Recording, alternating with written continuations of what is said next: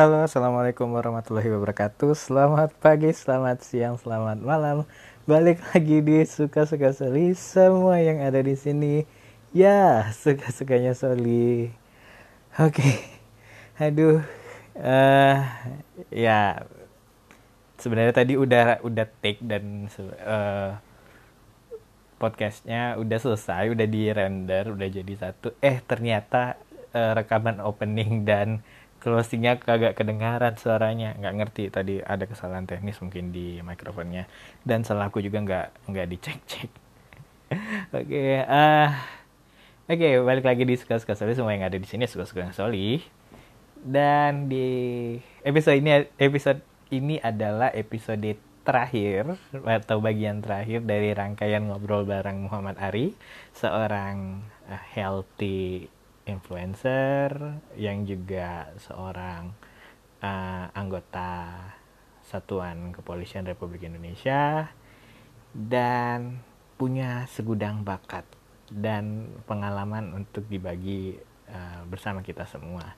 Jadi di oh ya di episode kali ini juga nggak bosan-bosannya untuk disclaimer bahwa uh, podcast uh, episode dengan uh, Mas Muhammad Ari ini tidak disponsori oleh brand susu mana pun. Jadi penebutan uh, nama di podcast ini hanya untuk kepentingan uh, nama nama itu sih nama ajang yang sedang diikuti oleh Mas Muhammad Ari jadi uh, tidak ada unsur untuk uh, promo walaupun kalau ke promo ya syukur gitu. Oke okay, kemudian uh, disclaimer yang kedua ya masih sama. Uh, tidak ada niatan untuk uh, menyinggung atau uh, menyerang instansi mana pun komunitas mana pun organisasi mana pun dan uh, kelompok mana pun. Jadi ya ini tiga episode murni ngobrolin tentang pengalaman dan uh, ya pengalaman dan berbagi tips-tips. Oke, balik ke topiknya di episode kali ini uh, episode yang paling harus dan paling ditunggu, yang harus yang paling ditunggu-tunggu dan harus didengarkan. Ah itu dia, ribet banget ngomongnya.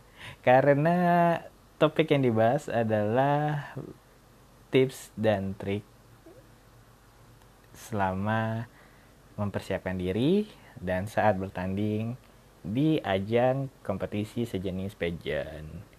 Jadi di sini nanti kita akan mendengarkan tips langsung dari pelakunya.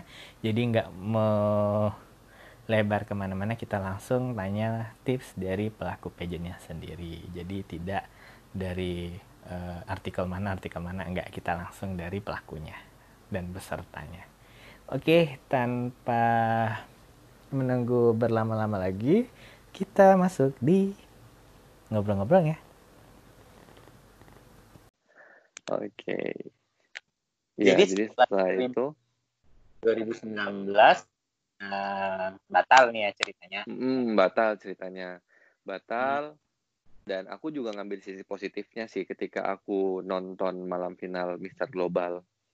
Jadi aku tahu nih uh, gimana pemilihan Mister Global. Apa yang harus aku lakukan kalau misal aku bisa ikut lagi nanti di 2020. Oke. Okay. Nah, kayak gitu. Udah nih udah cerita Mister Globalnya. Terus uh, aku kembali ke Pontianak waktu itu balik balik ke Pontianak terus ada satu event yang mempertemukan aku dengan si Zemi Prabowo. Oke, yang kontestan nah, yang Kalimantan Barat ya. Iya, jadi itu setelah pemilihan juga, setelah pemilihan dan Development of the Year. Setelah ya. pemilihan dan setelah malam grand final.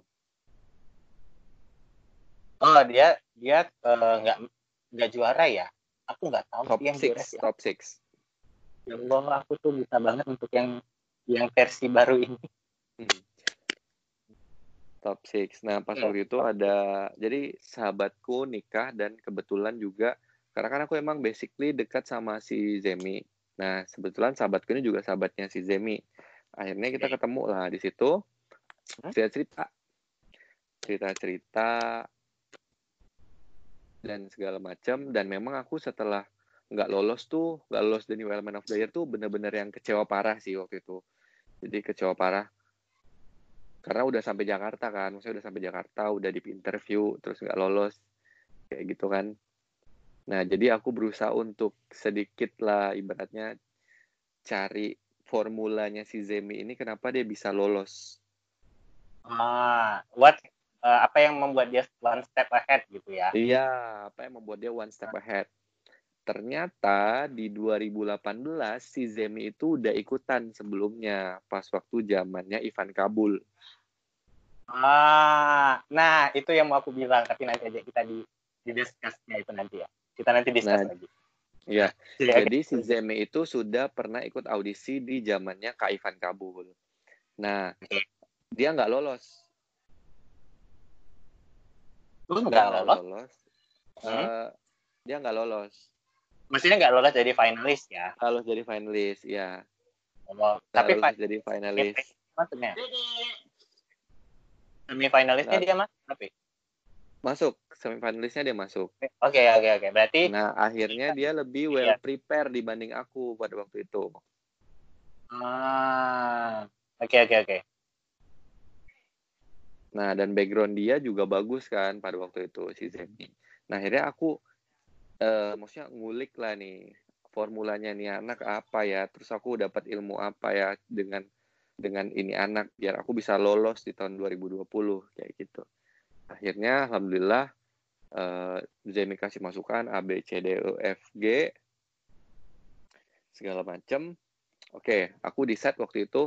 Oke okay, prepare ri untuk 2020 oh malah dia yang nganjurin untuk prepare ya? Ya jadi dia prepare untuk 2020 dibilang kayak gitu. Pasti bisa lah kata dibilang kayak gitu kan.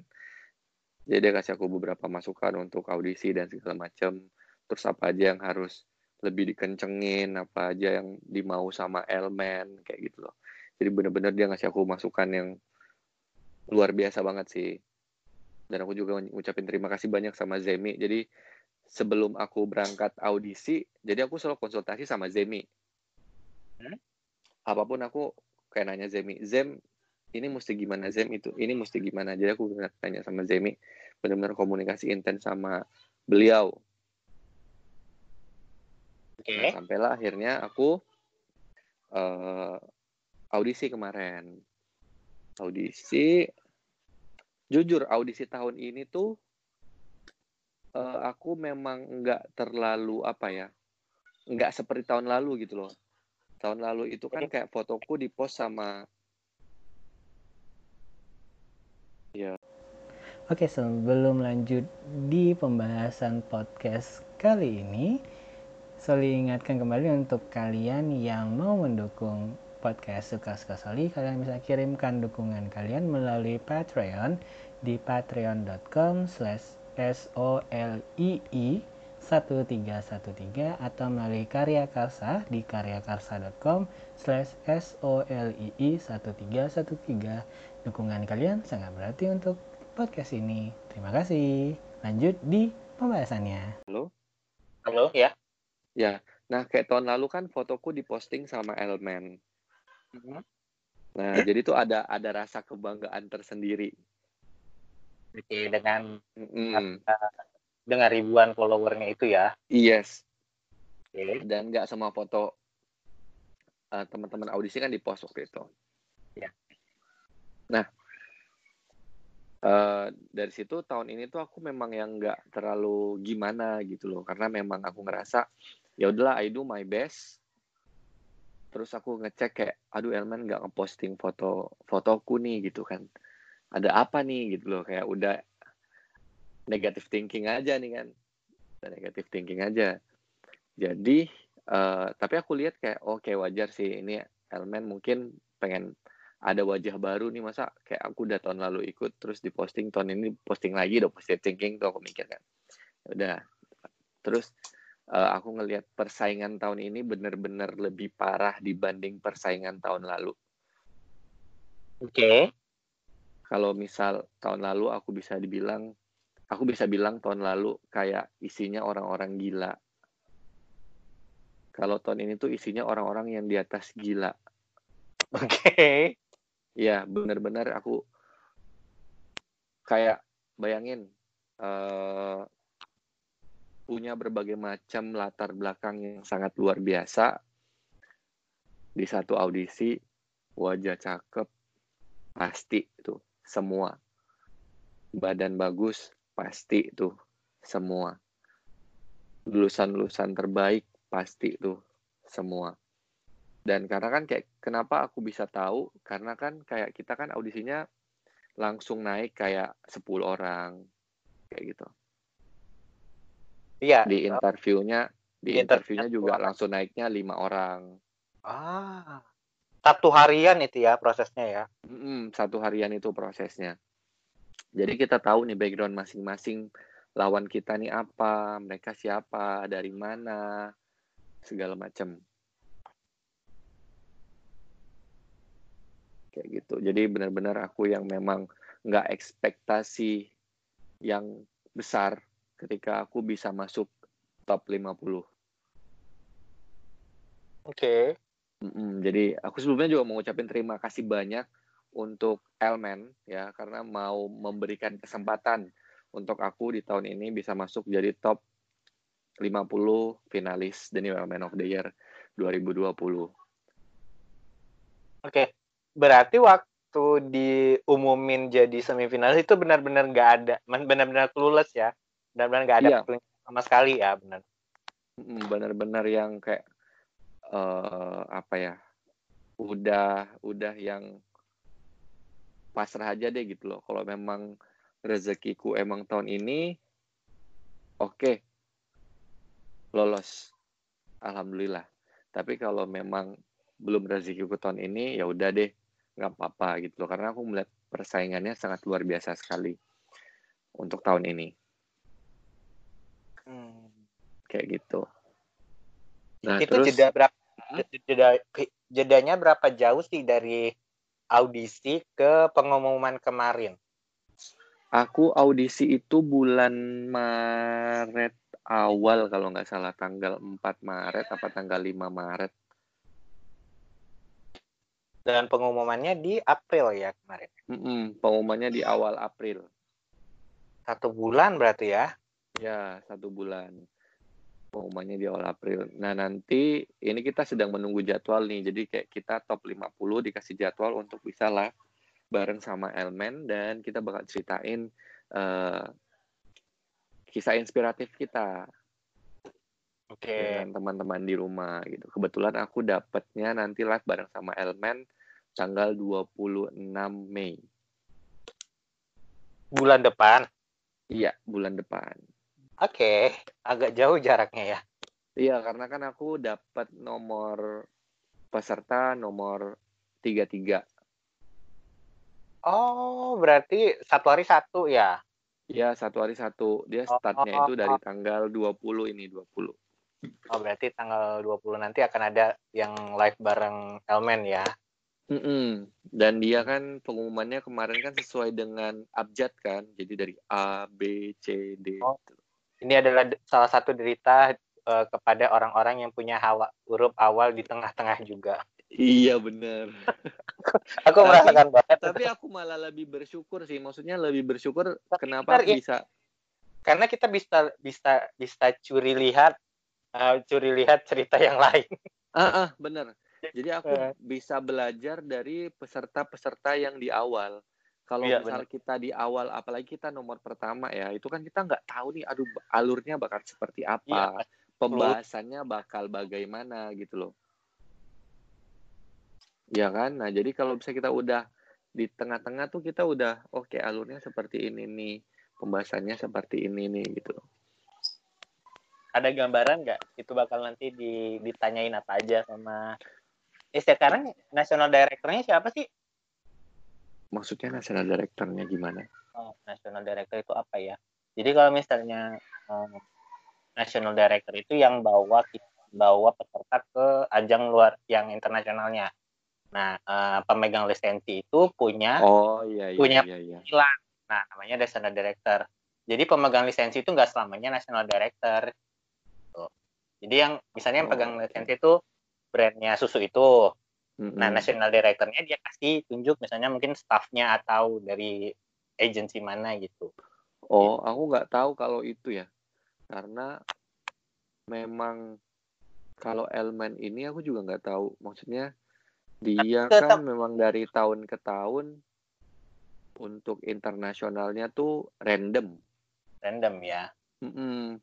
Random. Kayak tahunnya Ivan kan, Kak Ivan kan si Kak Eza yang dikirim ke Mister Internasional kalau nggak salah. Iya, jadi kayaknya eh eh, bukan pemenang lagi yang ke Miss International ya. Iya. Iya. Terus juga kayak tahunnya Radit, Radit yang dikirim ke Mister World, Enrik yang dikirim ke Mister Supranasional. Nah, itu ada ada, Gitu. ada ceritanya lagi tuh kenapa dipilihnya begitu. Nah, aku nggak tahu kalau untuk Nah, itu. Jadi nanti di ujung kita cerita eh, eh. why why-nya. Oke, iklan lagi nih. Jadi kalau kalian eh, bingung kalau mau pakai patreon.com karena eh, situsnya dari luar negeri, kalian juga bisa gunakan situs karya anak negeri yaitu karyakarsa.com alamatnya di karyakarsa.com slash soli s o l i i 1313 linknya bisa kalian lihat di description note yang ada di episode kali ini. Dukungan dari kalian sangat berarti. Terima kasih. Halo, Iya. Dengerin ya. Eh, Hmm. Ini kan sudah eh tahun eh ini sudah berarti yang the new-nya udah edisi ketiga ya, benar kalau kalau nggak salah tiga ya, Eh, iya, tahun ini yang ketiga. tahun ketiga. Pertama itu Kak Ivan. Aku oh aku aku di aku nonton malam finalnya yang Dokter Danar. Iya, itu zaman tahun lalu 2019. Ah, berarti aku lihat tapi nggak nggak nonton dari awal. Jadi aku kalau biasanya kalau misalnya All Men of Year, Putri Indonesia, Miss World, eh Miss World, Miss Universe, terus nonton dari awal start sampai akhir. Tapi kayaknya kemarin itu cuma kayak eh, aku lihat nih berjejer dijejerin nih finalisnya. Eh, ini Yogyakarta pasti masuk tiga besar nih aku bilang. Nggak tahu kenapa selalu eh, ya itu di di kalangan para pageant lovers adalah eh, sering ada kayak eh, apa ya eh, ada yang eh, itu eh, fans garis keras. Mm-mm. jadi dia tidak akan melihat eh, finalis lain selain selain yang dia lihat. Ada yang kategori yang yang eh, super fans regional. Jadi dia apa pun siapa pun yang mewakili provinsi dia dia akan support mati-matian di Mm-mm. di mana pun. Kalau bisa mengantar ke bandara juga nganterin mungkin ada juga kayaknya yang yang tahap yang kayak eh, yang observer tapi yang sudah tingkat tingkat Kak Dewa. kayak dewa gitu jadi kayak ibaratnya kayak dia ngelihat aja tuh kayak ini udah pageant material ini enggak Mm. ini ini baru masuk ini baru meletek gitu nah eh menyikapi itu kan di top 50 yang tahun ini eh, I'm sorry to say aku ada melihat beberapa orang yang sudah lama banget ikut dan ikut lagi dan masuk lagi gitu. Itu eh tanggapannya gimana? Kalau Aku misal nggak aku kalau cuma ya misal, tapi uh, tahu.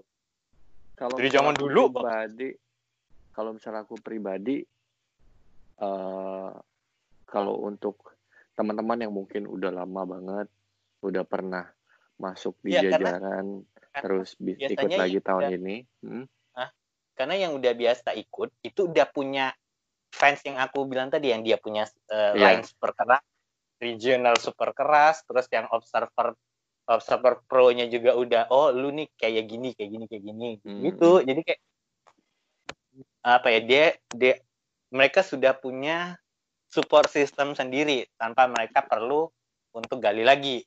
iya Maksudnya dalam artian mereka tidak perlu memperkenalkan diri mereka. Eh, ya para pageant lovers itu udah ngerti siapa mereka, kapabilitas mereka sampai mana, orangnya seperti apa gitu. Mm-mm. Sementara untuk orang-orang yang baru kan, yang which is kayak ini siapa, ini kayak kayak something new dan ada beberapa pageant lovers yang lebih menyorot ke arus baru. Mm-mm. Dia lebih lebih suka digging kayak aku. Jadi aku tuh lebih suka yang yang kalau orang lama mah bosan. lebih suka yang digging orang orang-orang baru dibandingkan yang lama. Kalau yang yang udah sering ikut kayaknya udah kayak uh, oh tinggal cari aja di portal pages juga dia udah banyak itu infonya dia dia besar di mana lah gitu. Nah, ngapain Iya. aja setiap angka tahu gitu. Tapi kan untuk yang Hmm. baru kan kita nggak tahu dia ini siapa, dari mana, kenapa, apa yang apa sih yang bisa kita lihat dari dia. Sementara kayak ada yang sosial medianya juga bahkan diprotek. Hmm, iya ya. Jadi kalau misal kalau aku pribadi ya, eh ya aku juga, maksudnya kemarin ya ada beberapa portal pageant yang sudah mengeluarkan list top top sekian belas versi mereka. Oh gitu, hot picks. Iya. Hot, Aduh, hot, ya ampun, hot picks itu mah. nah hot picks kayak gitu-gitu. Ah, Jadi, jadi kayak Misosology udah keluar belum sih? nah aku nggak tahu, eh, aku nggak tahu ya, maksudnya karena itu pun aku dapat informasinya dari teman-teman eh, di sosial media. Jadi Oke, pas oke. waktu hari apa gitu banyak yang nge-DM aku kayak Kak, kok kakak nggak masuk ke top ini di portal pageant ini dan bla bla bla bla bla bla bla banyak banget yang nge-DM. Aku cuman kayak apa nih gitu loh, maksudnya ada apa nih gitu loh. Terus sampai ada yang bilang loh, lu kok nggak masuk? Sampai ada yang mungkin ada teman-teman yang nggak tahu ya. Lu kok nggak masuk sih ke top 15? Kok bisa? Kapan pengumumannya? Elmen aja belum. Ini kok udah ada list top 15, top sekian belas. Terus aku bilang, itu menurut orang, aku bilang kayak gitu. Kan Iya, kita belum dapat rilisan dari Elmen. jadi eh, mereka itu kayak ya itu tadi yang yang para Iya, para udah. uh, Lihat. aku ngerti. para hayati yang garis-garis kelat itu kan eh, punya bergen untuk ibaratnya kayak nge-push eh, supaya kontestan mereka yang mereka puja itu lebih dilirik. Nah, gitu. Jadi eh, itu adalah salah satu langkah dari biasa sih itu langkah dari fans itu untuk supaya eh, sebelum kon- kontes mulai para juri ini lebih melihatkan mereka gitu. Jadi mereka sudah memulai peperangan sebelum sebelum trompet dibunyikan. Iya sih. Jadi. Cuman aku nggak yang terlalu ngambil pusing sih masalah itu. Maksudnya ya itu kan masih yang ibaratnya dari orang ya, dari orang. Bisa Ya, bilang dari orang kan. juri sih. Bukan dari bukan dari juri elemen ataupun dari elemennya. Jadi aku masih nggak yang terlalu ambil pusing gitu. Nanti tinggal will see aja eh, siapa yang bakal masuk jadi grand finalis kan seperti itu.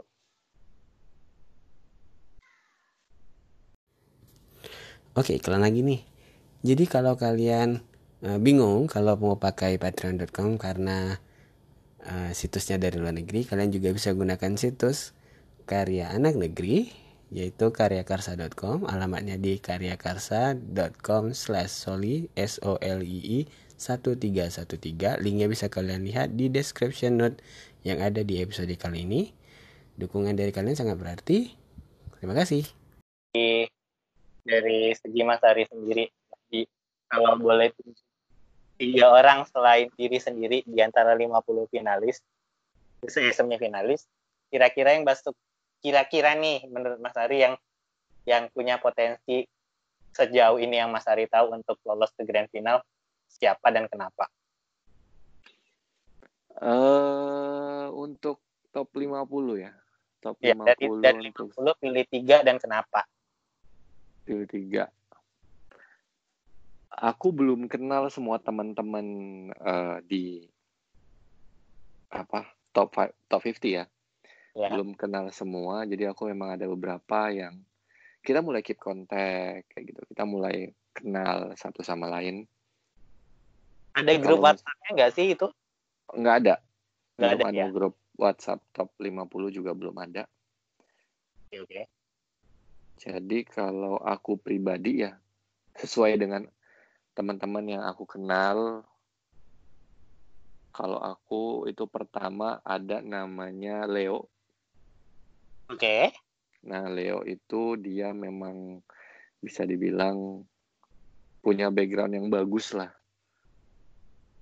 Dia Hmm. anak didiknya Bobby Ida. Oke. Nah kayak dalam klubnya Beli Hmm. Aderai. Di Bali berarti ya. Ya, klubnya Beli Aderai dan pasti ya ilmu tentang pola hidup sehat udah makanan hari-hari gitu loh. Oke. Itu. Terus kedua, kalau menurut aku ada si Andrew. Andrew itu eh, dia seorang entrepreneur kalau nggak salah aku dia.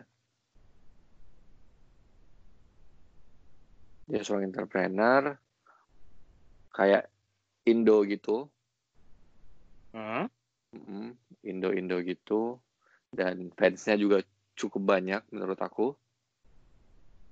Oke. Terus satu lagi siapa ya? Satu lagi mungkin ah, ini eh Jose Jose Jose Andika dari Bandung.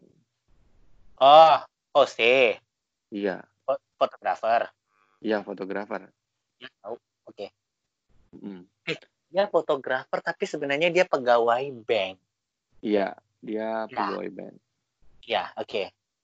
Itu sih kalau menurut aku untuk sejauh ini ya karena aku belum mengenal keseluruhan finalis, tapi ada beberapa yang aku kenal dan aku kayak eh, cukup ya bisa dibilang deket lah gitu, deket dan kenal sama mereka. Kita udah mulai sharing cerita-cerita untuk persiapan-persiapan berikut-berikutnya dan ya semua pasti mempersiapkan yang terbaik lah Iya. untuk mendapatkan hasil yang terbaik. Nah, ini Mas, kita ke pertanyaan yang agak sensitif nih. Untuk sebuah pageant laki-laki tidak tidak jauh dari kata eh, topless Mm-mm. dan swim swimwear. Ya. Itu menurut Mas gimana? Eh, kalau aku pribadi ya maksudnya ketika kamu sudah dipilih mewakili Indonesia misalnya, Hmm. berarti kan di sana Nah, gini. kamu harus Gini, karena gini, eh, sorry, Mas ini potong. Eh, ada kontes yang mewajibkan itu eh, kontestannya mau mau tidak mau suka tidak suka wajib pakai swimwear yang dalam artian tidak boleh yang boxer brief, yang eh, yang brief benar-benar yang segitiga. Mm-mm. Ya, ada beberapa yang eh, kontes yang memberikan keluasaan kontestannya eh, perwakilan kontestan untuk memilih dan membawa sendiri eh, swimwear-nya. Eh, terkait itu terlepas itu tetap akan ada pasti akan ada penjurian untuk yang eh, pakaian renang itu. Nah, menurut Mas Ari gimana? Ya, kalau menurut aku gini, sekarang ketika kita mau ikut suatu kompetisi, kita harus bisa eh, menerima semua konsistensinya. Konsekuensi. Mm-mm. Maksudnya konsekuensi, bukan konsekuensi. Maksudnya kita harus bisa menerima apa yang sudah diterapkan oleh sebuah kompetisi. Rules-nya gitu ya. Ya, rules-nya. Jadi konsistensi dari sebuah kompetisi maksudku. Mhm. Eh, berarti kan kita harus kalau kita daftar kita harus bisa terima itu dong. Oke. Nah, kalau aku pribadi sih ya aku tinggal ngikut aja. I do my best. Kalau misalnya untuk sekarang mungkin aku bawa nama provinsi, I do my best untuk provinsi Kalimantan Barat. Kalau misalnya aku bawa nama Indonesia, I do my best for Indonesia. Gitu. Aku nggak ada masalah sih untuk masalah boxer or brief ataupun itu. Selama itu dalam kompetisi. Ya, maksudnya itu eh, karena eh, untuk kompetisi eh, laki-laki itu kayaknya eh, itu kayak udah sesuatu yang sakral bagi Mm-mm. di- bagi para para penyelenggara itu kalau misalnya eh, ya kalau misalnya photoshootnya ataupun eh, catwalknya topless itu kayaknya udah biasa karena kan eh, kayak Miss World sendiri kan sudah tidak tidak menayangkan sesi yang Mm-mm. eh, pakaian renang di umumnya jadi cuma untuk Iya. yang yang eh, preliminary yang yang tertutupnya nah itu. Tapi untuk yang untuk ajang-ajang lain kan belum belum semuanya untuk serta merta Iya. tidak menayangkan prosesi uh, pakaian renang baik baik beauty maupun yang pageant jadi itu sih aku pengen pengen tahu aja uh, tanggapannya terkait.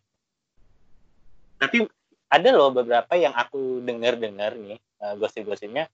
Sebenarnya itu gak semua orang pede melak semua perwakilan orang nggak semua perwakilan itu pede mengenakan uh, celana renang yang diterapkan sama penyelenggara terutama yang penyelenggara luar. Hmm, hmm. Nah kalau itu, maksudnya aku juga nggak terlalu update nih, maksudnya nggak terlalu update uh, tentang bentuk penyelenggara, misalnya maksudnya bentuk penyelenggara, maksudnya bentuk ah, bisa dibilang underwear nggak sih, bisa dibilang swimwear, swimwear misalnya event ini swimwearnya seperti ini, event ini swimwearnya seperti ini gitu loh. Nah, aku juga nggak terlalu notice untuk itu. Tapi kalau misal aku perhatiin sih, kayak Mr. World kemarin Radit, terus Mr. Supranational Enric, terus juga Mr. Global Herman Yosep kemarin. Uh, so far aku nggak ada masalah sih untuk itu. Saya masih dalam batas oke okay, ya ini swimwear gitu loh. Iya dan terkadang uh, stigma masyarakat itu untuk kenapa belum pure bisa menerima perpejinan di Indonesia salah satunya karena itu karena sesi mm -hmm. kontes yang itu karena kan uh, ya ya mungkin ada norma-norma yang tidak sesuai dengan kultur ketimuran. Iya. Cuman kalau menurut aku ya emang memang seperti itu. Tapi aku juga di situ berpikirnya begini, maksudnya berpikir positif aja. Ketika kita uh, ikut salah satu ajang terus memang diharuskan ada sesi swimwear-nya. Itu kan mungkin ajang itu dimaksud mem, apa maksud dari ajang itu untuk mengadakan si swimwear season. Ini kan bukan uh, untuk show your body atau mungkin nunjukin seberapa keren badan lu kan enggak. Tapi biasanya beberapa event juga kayak ngeliat oke okay, ada cacat fisik nggak nih di badan si peserta karena dia kan yang bakal jadi brand iya dalam artian kan gitu loh. Uh, dia maksudnya kan uh, walaupun memang memang nggak terlepas ya dari uh, sesi yang yang uh, pakai pakaian itu memang nggak terlepas dari penilaian uh, physically tapi sebenarnya kan mm. ada ada faktor lain yang yang dilihat di situ misalnya kayak kepercayaan diri dia yeah. bagaimana dia meng, uh, ketika dia dikasih tantangan untuk tampil di depan umum dia berani atau enggak lebih ke situ sih ya penilaian penilaiannya menurutku ya karena yeah. uh, kalau misalnya bentuk badan itu kayaknya semua orang bisa bentuk badan gitu. yeah. Ya tergantung tergantung niatnya aja. Cuma kan nggak semua orang nggak semua orang berani tampil. Itu sih yang aku karena karena mental itu uh, yang menempa diri sendiri nggak bisa dari luar gitu. Yes benar. Ya kalau badan bisa kita support dengan suplemen kita bisa support dengan uh, hires instructor hmm. apa pun. Tapi kalau misalnya mental ini yang yang nggak bisa di nggak bisa dari uh, pengaruh dari luar memang harus dari pengaruh dari dalam. Kalau enggak nggak akan jadi. Menurut aku sih kalau ada sesi yang itu lebih ke situnya sih. Dia percaya diri enggak gitu. Terlepas dari penilaian juri apa ya? Eh, juri punya punya penilaian masing-masing. Iya iya oke deh udah berapa jam? Ya Allah udah satu setengah jam. Udah satu jam. Hari ini ada jadwal live nggak sih? Live, live? nggak ada. Kebetulan sabtu ada live, ya? sabtu nggak ada. Emang aku kayak satu minggu free. Free ya. Itu kenapa sih bikin live itu? Uh, nah itu kemarin aku tanya kenapa nggak dijadiin podcast aja. Uh, maksudnya hmm. di maksudnya di karena kan uh, sorry itu saya jam 5 sore di versi Indonesia Barat yang di bagian sangat barat condong mm -hmm. ke barat itu jam 5 sore itu masih terang masih jamnya yeah. pulang kantor jadi kayaknya untuk untuk orang-orang di luar sana yang apalagi kayaknya di di kami nih yang di Sumatera mm. Mas sore itu masih masih mulai baru baru start main bola jadi beda jadi, beda jadi beda dengan jam 5 sore yang WIB-nya agak ke timur, agak ke tengah. Hmm, iya iya. Kalau di sana, mungkin di sana di Kalimantan ini udah gelap kali ya, Belum masih terang. masih terang ya. Heeh. Nah kalau di sini masih terang, terang banget malah.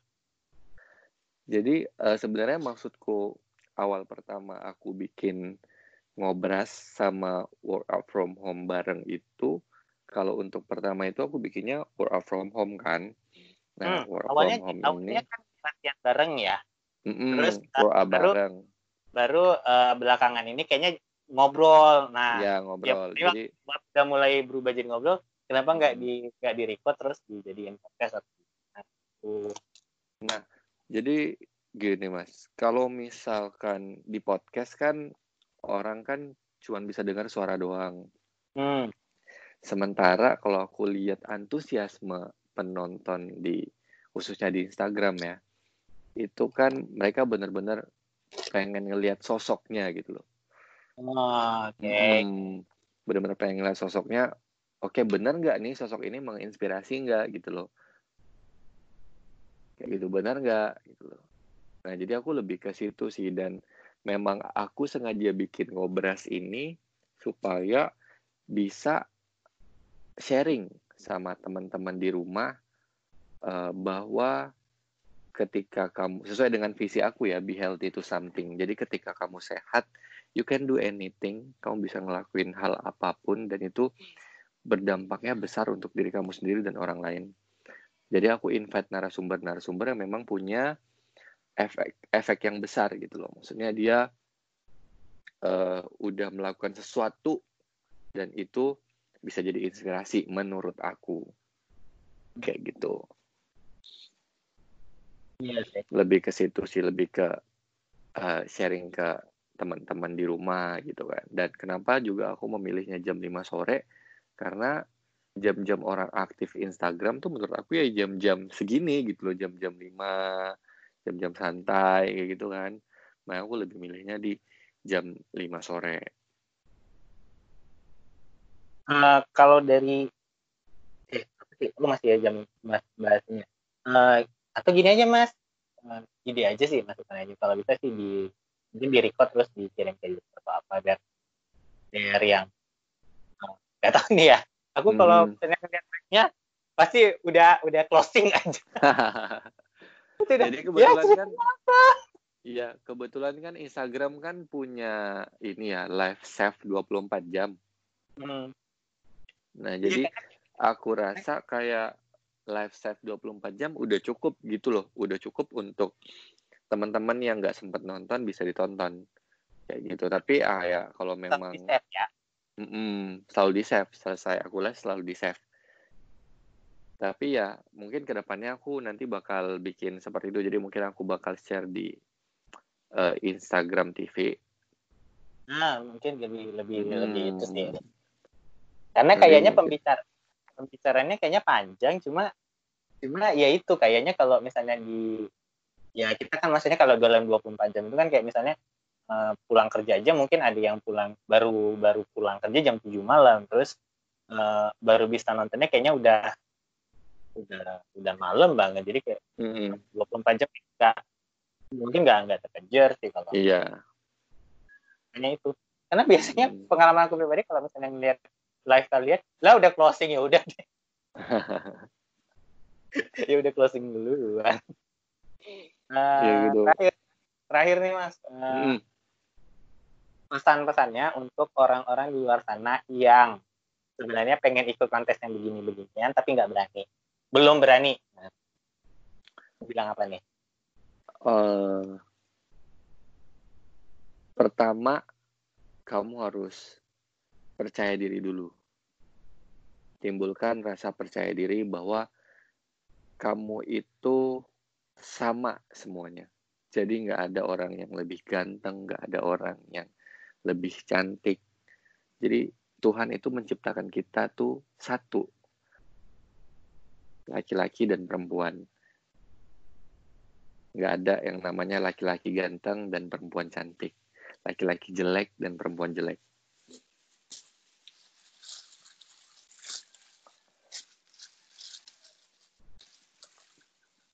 Dan eh, apa?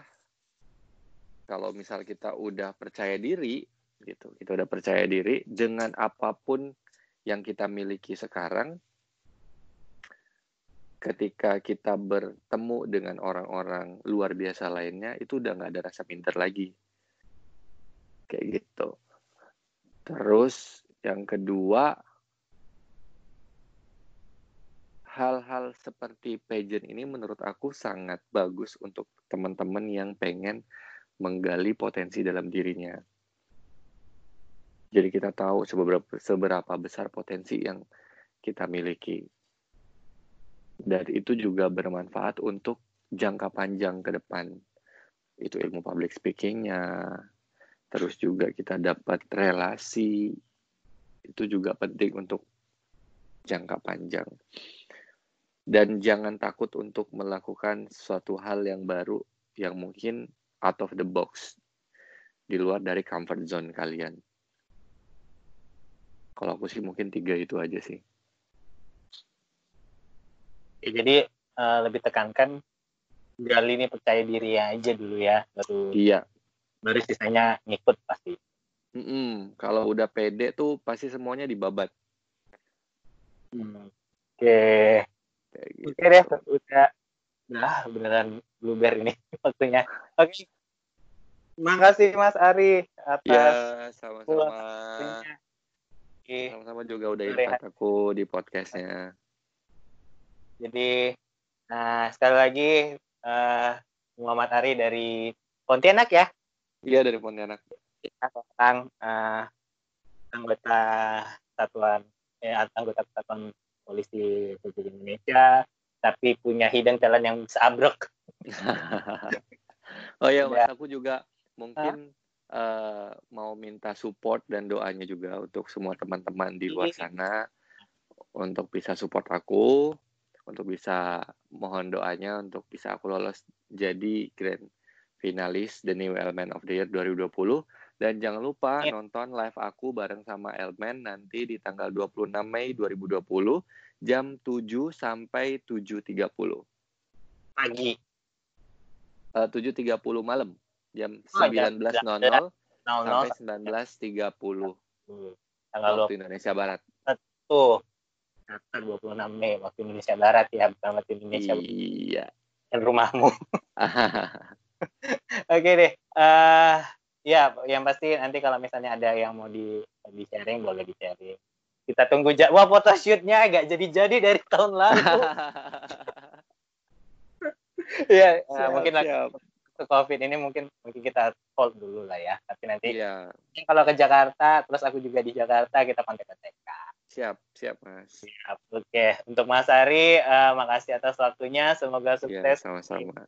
Di kesatuan, juga semoga sukses dengan Amin. karir dan eh, job-jobnya yang lain, dan juga semoga Amin. sukses di pemilihannya.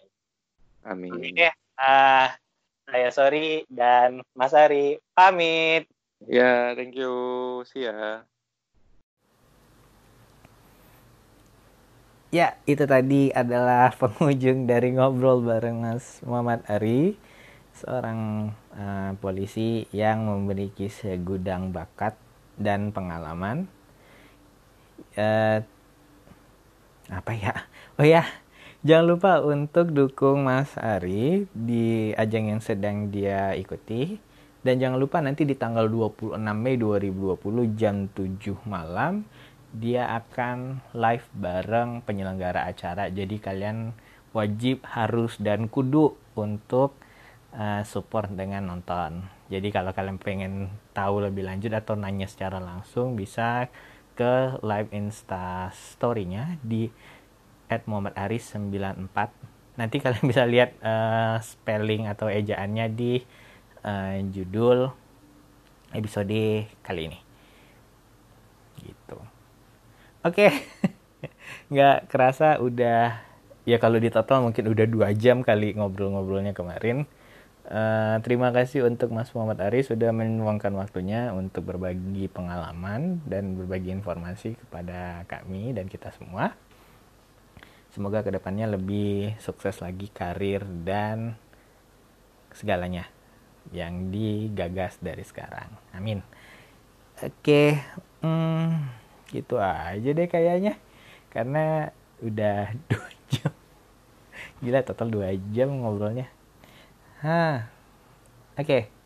Jadi mewakili dari Mas Muhammad Ari di Pontianak, saya Soli dan juga Mas Ari di Pontianak. Pamit. Bye.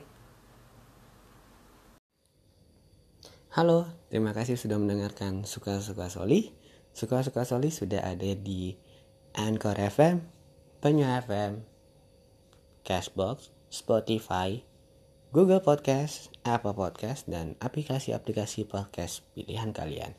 Linknya bisa kalian lihat di link tr.ii slash soli s o l i i underscore solihin s o l i h i n atau kalian bisa lihat di show notes di episode kali ini dan bagi kalian yang punya kelebihan dana atau juga mau kasih tip untuk ya nambah-nambahin semangat aku untuk buat podcast. Kalian bisa kirimkan dukungan kalian melalui Patreon di patreon.com slash soli s o l i i 1313 atau di karya karsa di karyakarsa.com slash soli s o l i i 1313 dan bisa kalian lihat juga di show notes di episode kali ini.